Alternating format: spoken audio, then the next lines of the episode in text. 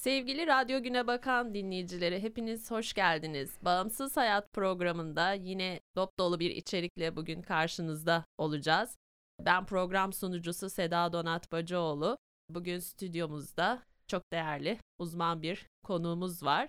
Kendisi Trakya Üniversitesi Eğitim Fakültesi Rehberlik ve Psikolojik Danışmanlık Anabilim Dalı'nda öğretim görevlisi. Aynı zamanda yine Trakya Üniversitesi Psikolojik Danışma Rehberlik Uygulama ve Araştırma Merkez Müdür Yardımcısı Levent Göller hocamız. Hoş geldiniz Levent hocam. Merhabalar hocam, hoş bulduk. Bu güzel bahar sabahında sizle bugün teknoloji bağımlılığı hakkında özellikle oyun bağımlılığı konusunu işleyeceğiz. İsterseniz dinleyicilerimize biraz teknoloji bağımlılığı konusunda kavramsal düzeyde bir bilgi verebiliriz. Böyle başlayabiliriz. Evet hocam. Tabii öncelikle bağımlılık nedir? Bunu bir açıklayalım. Şimdi bir madde ya da davranışı kullanmayı bırakamamaya veya kontrol edememe şeklinde ortaya çıkan bir durum bağımlılık dediğimiz şey. Teknolojik araç gereçlere yönelikse bu durum, bu teknoloji bağımlılığı oluyor bu durumda. Tabii bazı ölçütleri var. Şimdi teknoloji bağımlı diyoruz ama yani ne olunca bağımlı oluyoruz? Bunları şöyle sıralayabiliriz.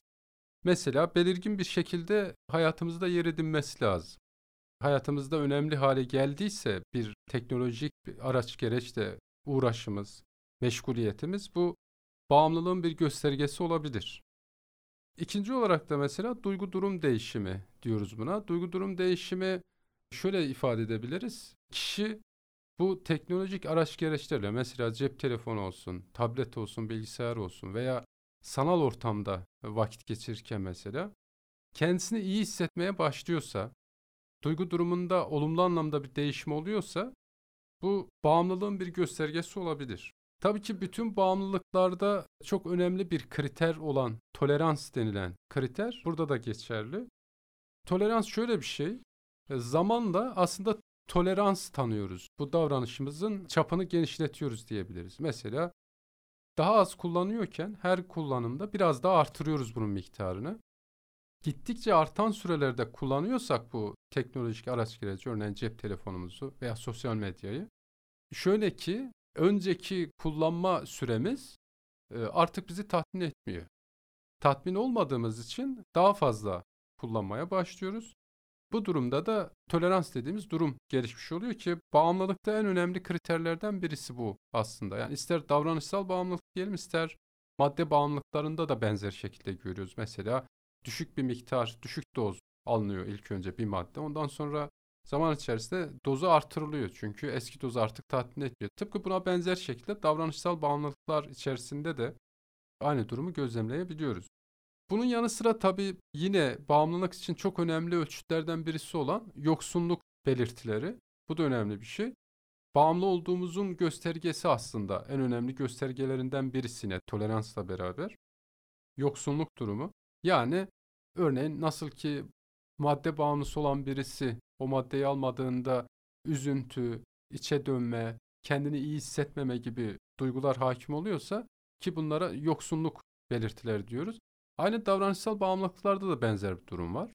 Örneğin çocuk bilgisayarda oyun oynuyor, dijital ortamda oyun oynuyor. Bu oyundan uzak kaldığı zaman veya oynamaya kendini motive etmişken ondan uzak tutulursa, engellenirse bir şekilde ciddi şekilde yoksunluk belirtileri gösterebiliyor.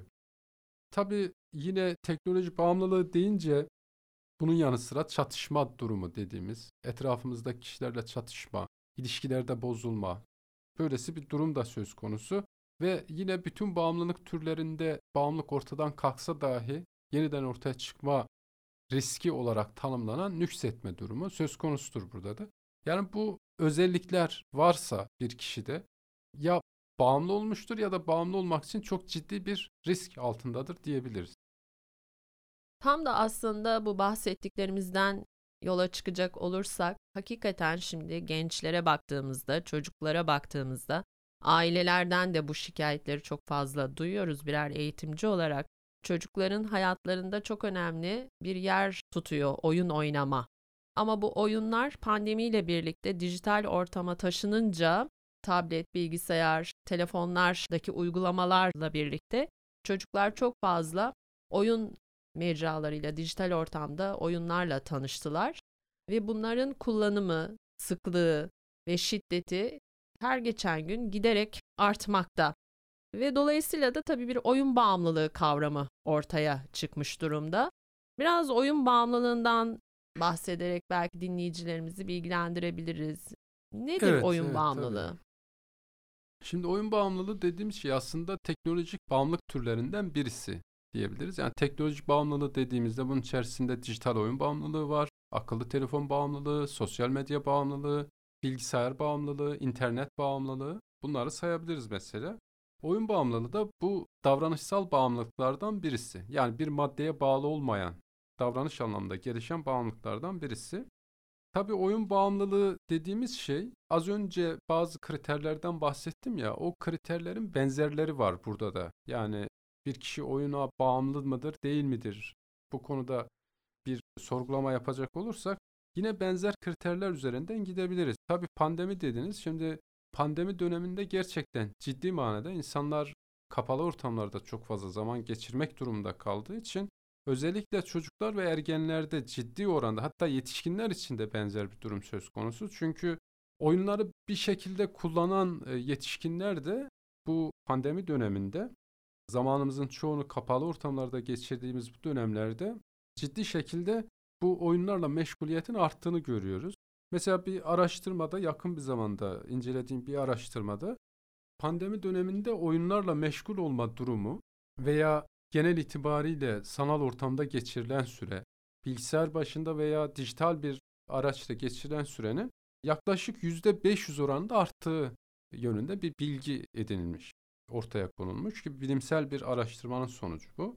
Yani bu pandemi dönemi ciddi şekilde bu bağımlılık türünü besledi diyebiliriz, tetikledi diyebiliriz, artırdı diyebiliriz. Şimdi tabii oyun bağımlılığı, internet bağımlılığı, çevrim içi alışveriş bağımlılığı, çevrim içi kumar ve bahis bağımlılığı, cep telefonu bağımlılığı gibi şeylerden bahsediyoruz. Bu oyun bağımlılığı dediğimiz şey çoğunlukla hani kriterler açısından da baktığımızda dünya genelinde oluşturulan kriterler açısından şimdi kumar bağımlılığıyla daha fazla benzediğini görüyoruz. Çünkü burada bir bir tür ödüllendirme etkisi yapıyor. Aslında bu bizim psikolojide genel olarak bildiğimiz bazen olumsuz pekiştirme bir yanıyla da olumlu pekiştirme kavramlarıyla ilişkili olduğunu görüyoruz. Çünkü bir şekilde somut bir ödülle ödüllendirme var yer yer bu oyunları oynayan kişilere veya olumsuz duygu durumunu ortadan kaldırmaya yönelik mesela bir tür olumsuz pekiştirme mantığı. Yani kişi kendini kötü hissettiği zaman örneğin bir sevdiği, ilgilendiği bir oyunla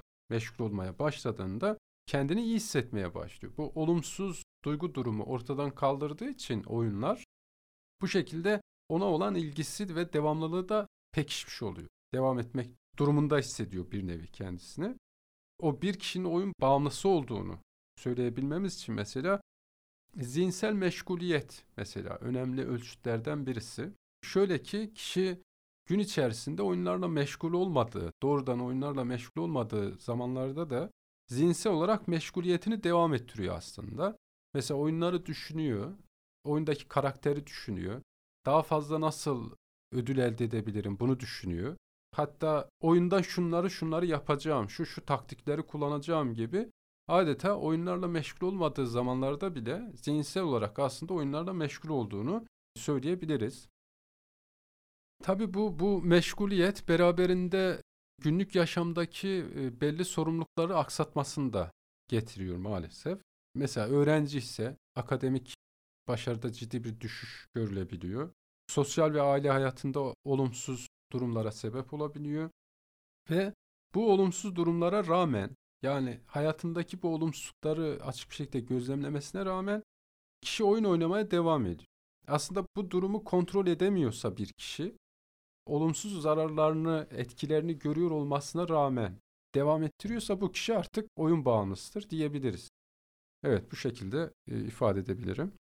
Bazı kişiler var ki hiç başından kalkmadan saatlerce aslında bir koltuğun üstünde oturarak ekran karşısında bu oyunları oynayarak vakitlerini geçiriyorlar. Yemek yemeye, belki temel ihtiyaçlarını karşılamaya bile e, tabii, erteliyorlar. Tabii. Yani ciddi sorunlar ortaya çıkabiliyor. Evet, Mesela evet. E, fiziksel anlamda bazı sorunlar mesela aynı pozisyonda uzun süre durma hatta Hı o şekilde o kadar uzun süre durduğunun farkında olmuyor kişi.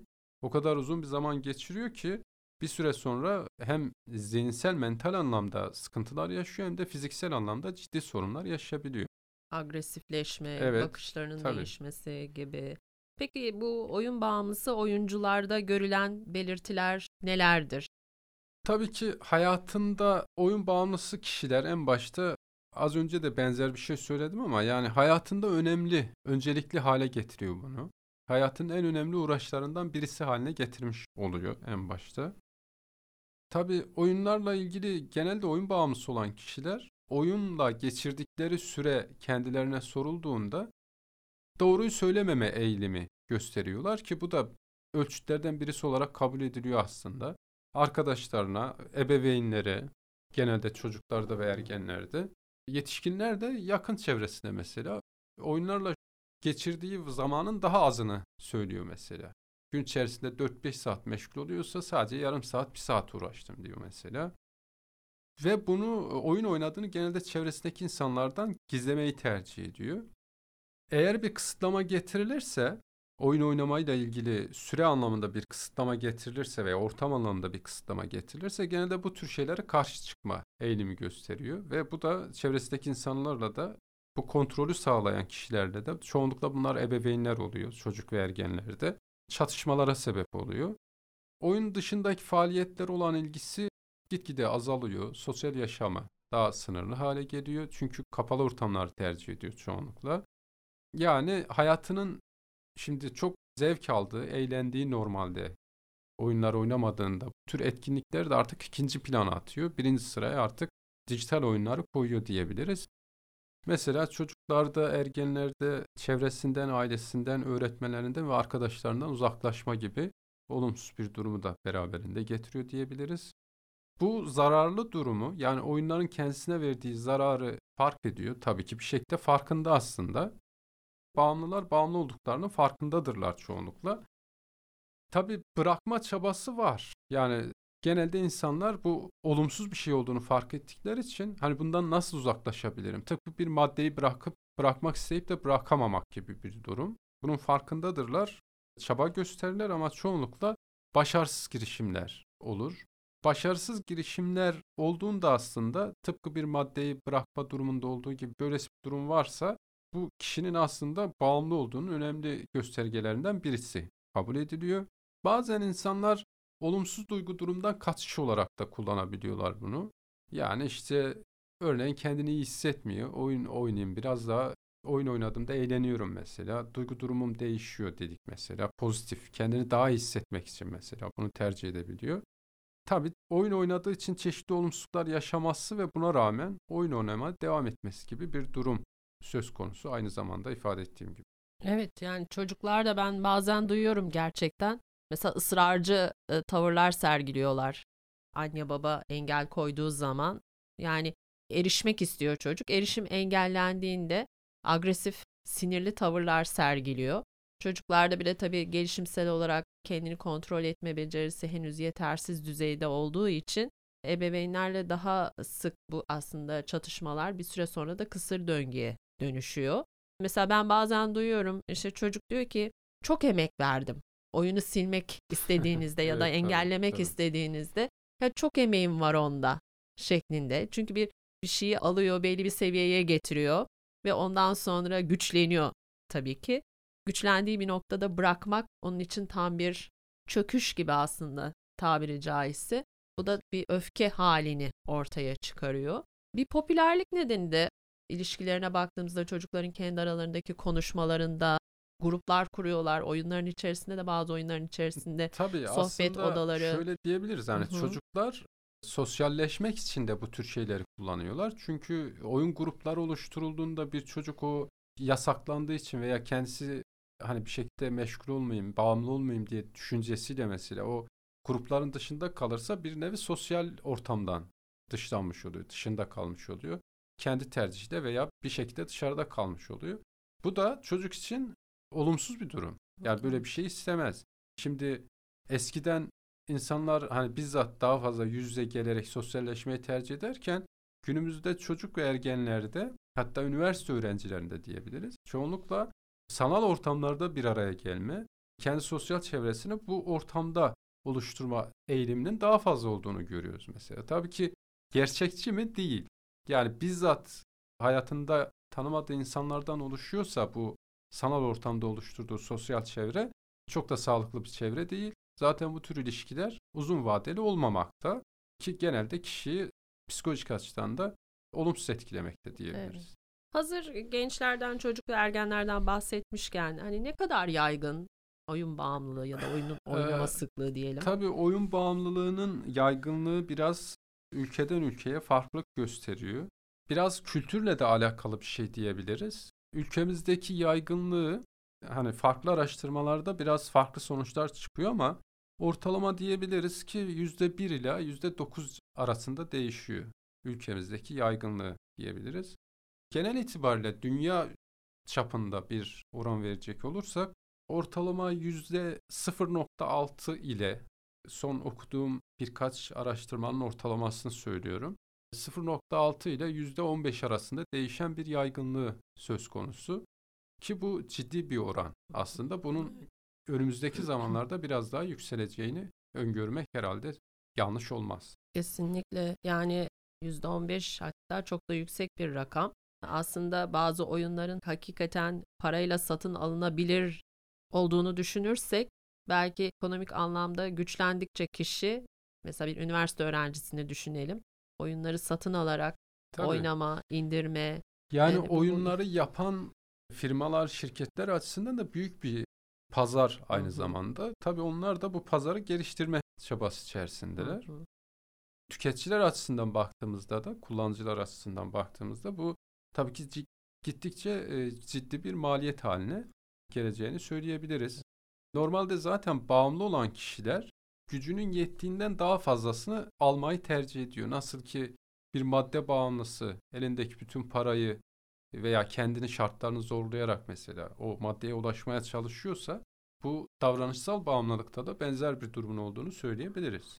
Dönem başında pandemi sonrasında öğrencilerle yaptığım bir tanışma diyeyim çünkü hakikaten iki yıl uzak kalmanın getirdiği bir birbirini tanımamazlık durumu da oldu açıkçası. İşte kendinizi anlatın, neler yaparsınız, neler hoşunuza gider gibi sorular, diyaloglar yaptığımda genelde bundan önceki yani pandemi öncesinde işte spor yapmak, arkadaşlarla birlikte gezmek, tozmak, seyahat etmek, eğlenmek gibi cevaplar verilirken şimdi bakıyorum yani bu dönem başında özellikle ilk eğitim öğretim yılı başladığında dijital diziler, dijital oyunlar ve sosyal medyanın çok fazla gençlerin hayatında önemli de bir yer kapladığını açıkçası kendi gözlemlerimle de edindim.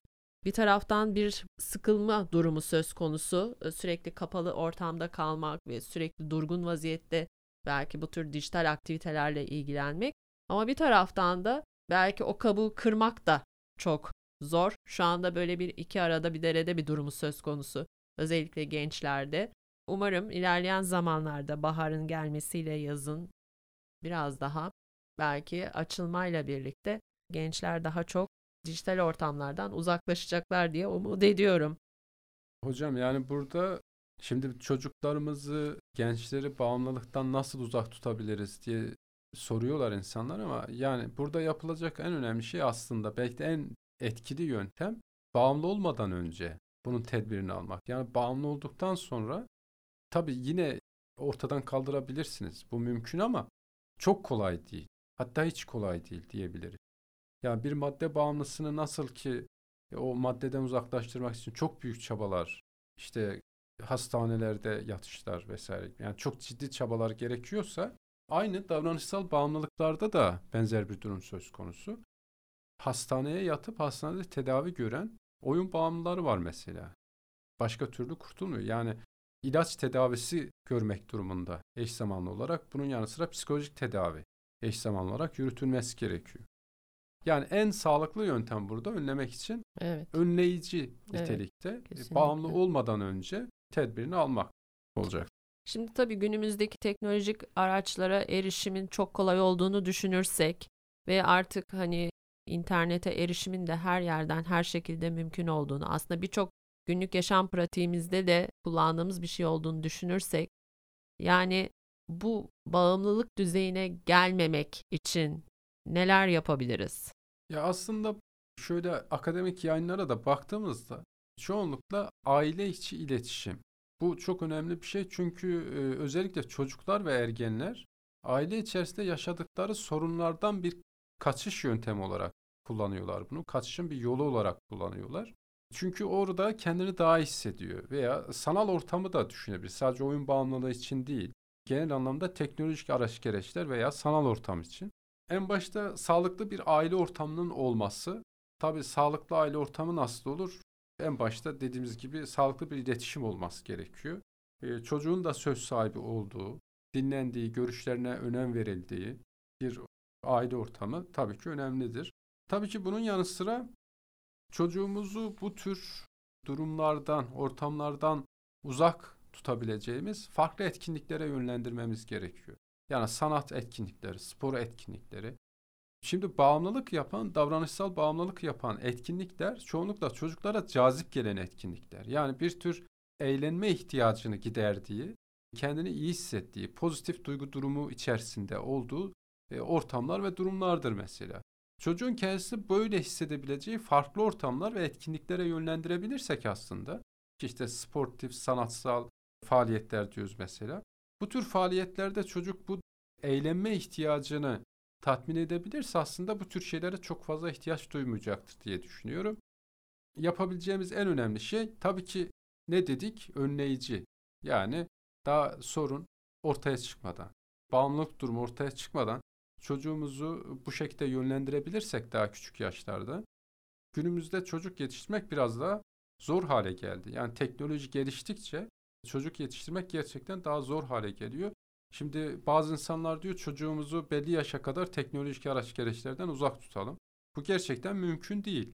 Yani ne kadar uygulanabilir? Çok uygulanabilir bir şey değil. Çünkü akıllı cihazların yapay zeka ile çalışan cihazların gelişmesi mesela yaşamımızın hemen hemen her alanında var artık bunlar. Ve gittikçe de sayısı miktarı artacak mesela. Bundan dolayı yani çocuklar bu tür şeylerden uzak tutmak neredeyse imkansız gibi görünüyor. Bunun yerine belki nasıl kullanacağına yönelik eğitim verilmesi, zaman açısından, şekil açısından mesela, kullanma biçimi açısından eğitici yaklaşımların daha sağlıklı olacağını düşünüyorum ben. Evet aslında kesinlikle belki buradan bu mesajları verebiliriz. Yani ebeveynler de bu konudaki bilgilerini artırmalı. Yani bu oyunlar nasıl oyunlar, içeriğinde ne var? Tabii Ee, yani takip yani de nasıl- edilmeli. evet, yani, yani ebeveynler mutlaka tabii Evet, evet. Meşgul olduğu, oynadığı oyunlar hakkında bilgi sahibi olmalılar. Yani bir de hani çocuk kendi odasında bilgisayarla veya e, elindeki cep telefonu da bir bilgisayar sonuçta. Hı hı. Onunla da her türlü e, işlemi işi yapabiliyor, oyun oynayabiliyor. E, bu tür ortamlarda çocuğu tek başına bırakmamalı. Mutlaka yaptığı şeylerden haberdar olmalı, oynadığı oyunlardan. Takip et. Tabii yani takip çok önemli bir şey. Bir de sanırım kullanım süresiyle ilgili de takip çok önemli. Tabii Çünkü tabii. bir evet, saat evet. kullanabilirsin dedikten sonra bir saat 10 dakikayı geçirdiğinizde bir saat 10 dakika olduğunda o süre yani artık bir eşik aşılmış oluyor. Bir sonrakinde biraz daha fazla. Tamam çok az kaldı. Biraz Bit, bitmek üzere gibi Tolerans ısrarcı. diyoruz ya, Evet. miktarı biraz kasıtlı Evet, olarak da evet. artırmamaya dikkat Evet. etmek gerekiyor aslında. O toleransın gelişmesine de yardımcı olabiliriz Evet. bu sayede. Yani şey diyebiliriz belki bazen hani bizler de ebeveyn olarak çok meşgul oluyoruz, yorgun oluyoruz böyle zamanlarda. Çocuğun aslında elindeki teknolojik aletle ilgilenmesi ebeveynin de işine gelebiliyor açıkçası.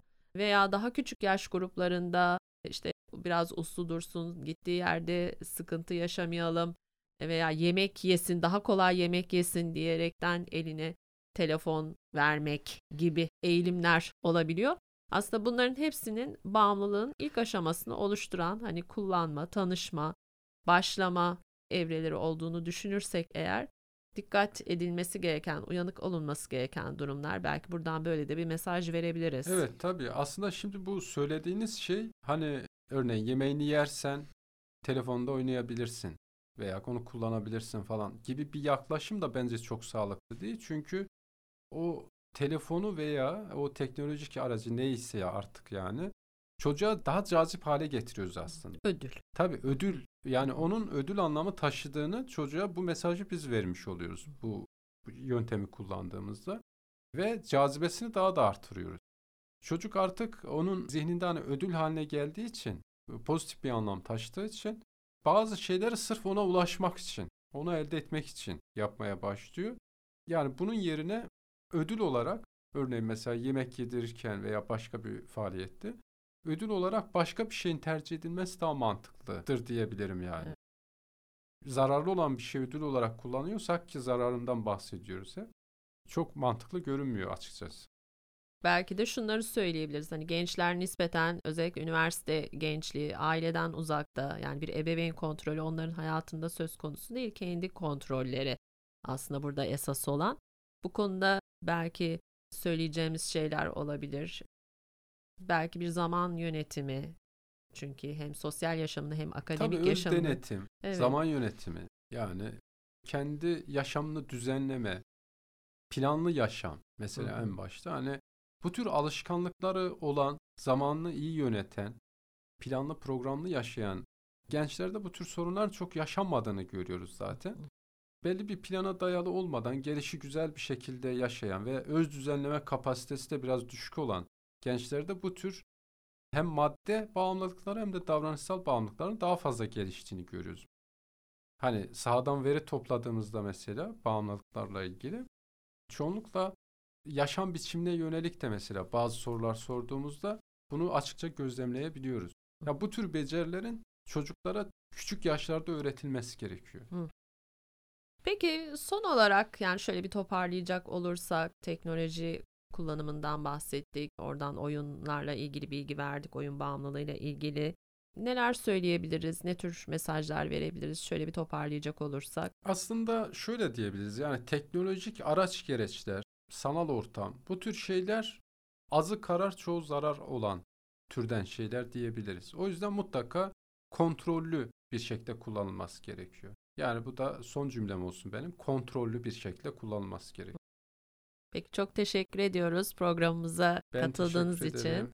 Gayet güzel bilgiler paylaştınız bizimle. Bizi dinlediğiniz için teşekkür ediyoruz sevgili Radyo Güne Bakan dinleyicileri. Bir sonraki Bağımsız Hayat programında görüşmek üzere. Sağlıkla kalın, esen kalın.